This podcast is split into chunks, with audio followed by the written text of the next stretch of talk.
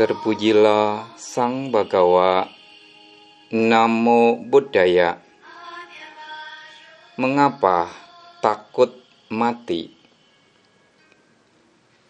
Marana dhammam hi Maranang anatito Aku wajar mengalami kematian.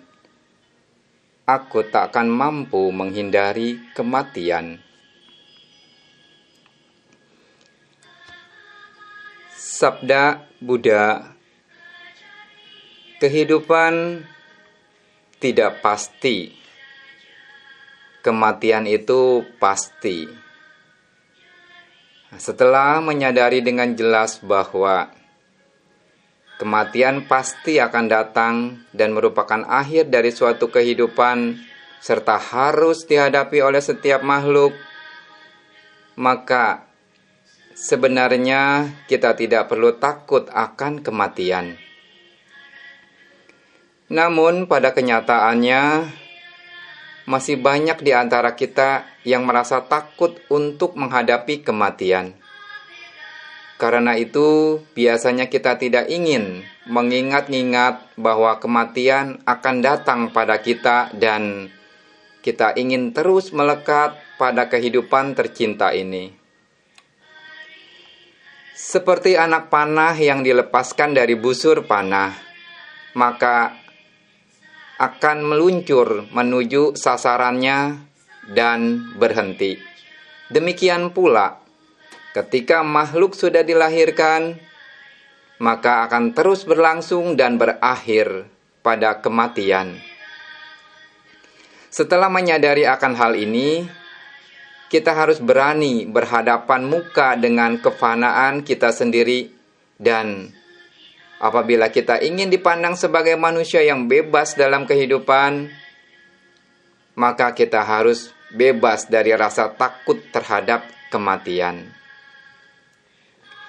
Kita telah mengetahui bahwa ilmu pengetahuan mengajarkan tentang proses kematian, yakni bahwa kematian hanya merupakan suatu proses pelapukan fisik dari tubuh manusia. Karena itu, kita tidak perlu membohongi diri sendiri dengan bayang-bayang atau hayalan-hayalan yang menyeramkan tentang kematian. Dalam anggota Nikaya kelompok 4 diuraikan ada empat hal yang menyebabkan orang takut akan kematian. Yang pertama, orang yang tidak bebas dari nafsu, cinta, kehausan, kerinduan, dan keinginan terhadap kesenangan-kesenangan indera. Inilah orang yang pertama yang takut akan kematian, yang gentar akan kematian. Yang kedua, Orang yang tidak bebas dari nafsu, cinta, kehausan, kerinduan, dan keinginan terhadap tubuh. Inilah orang jenis kedua yang takut akan kematian, yang gentar akan kematian.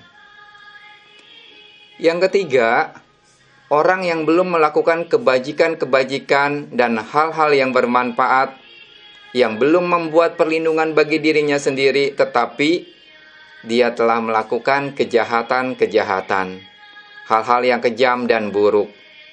Inilah orang jenis ketiga yang takut akan kematian, yang gentar akan kematian.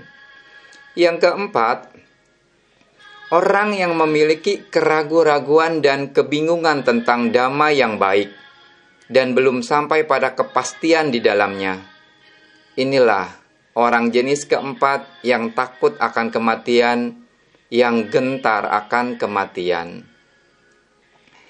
Dan juga ada empat hal yang menyebabkan orang yang tidak takut akan kematian, yaitu kebalikan dari empat hal yang sudah diuraikan di atas. Sehubungan dengan tempat yang dituju setelah kematian, maka ada empat kelompok orang, yaitu yang pertama orang yang dari gelap menuju gelap. Yang kedua, orang yang dari gelap menuju terang.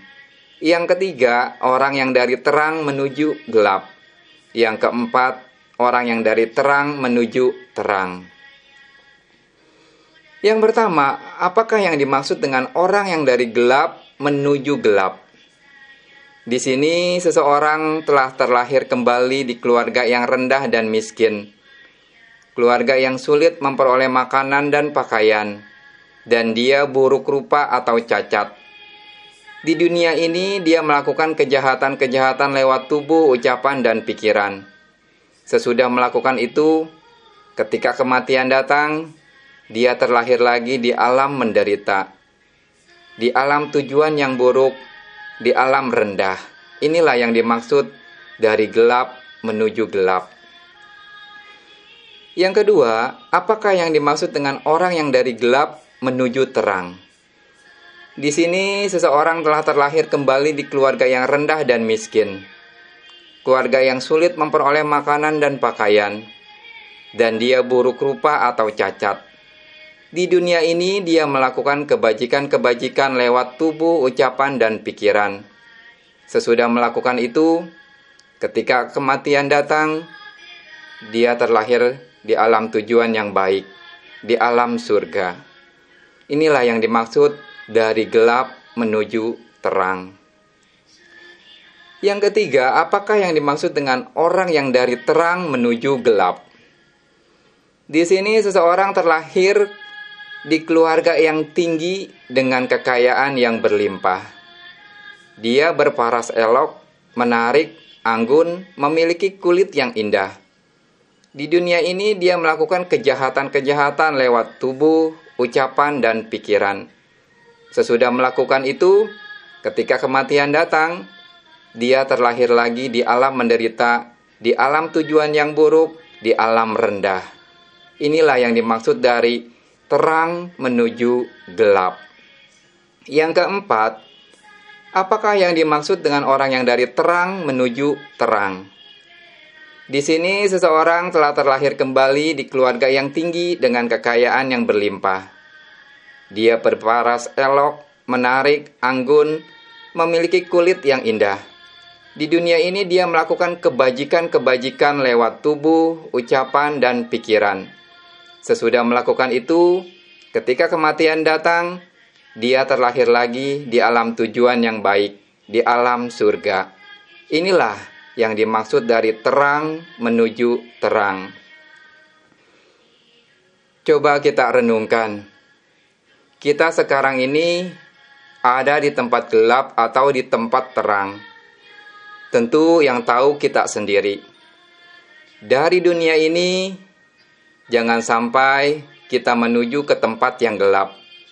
Maka lakukanlah kebajikan-kebajikan melalui tubuh, ucapan, dan pikiran, yaitu dalam bentuk berdana, menjaga sila, dan menjalankan bawana, agar kita menuju tempat yang terang, alam bahagia, alam surga. Sabbe satta bawantu suki tata. Semoga semua makhluk hidup berbahagia.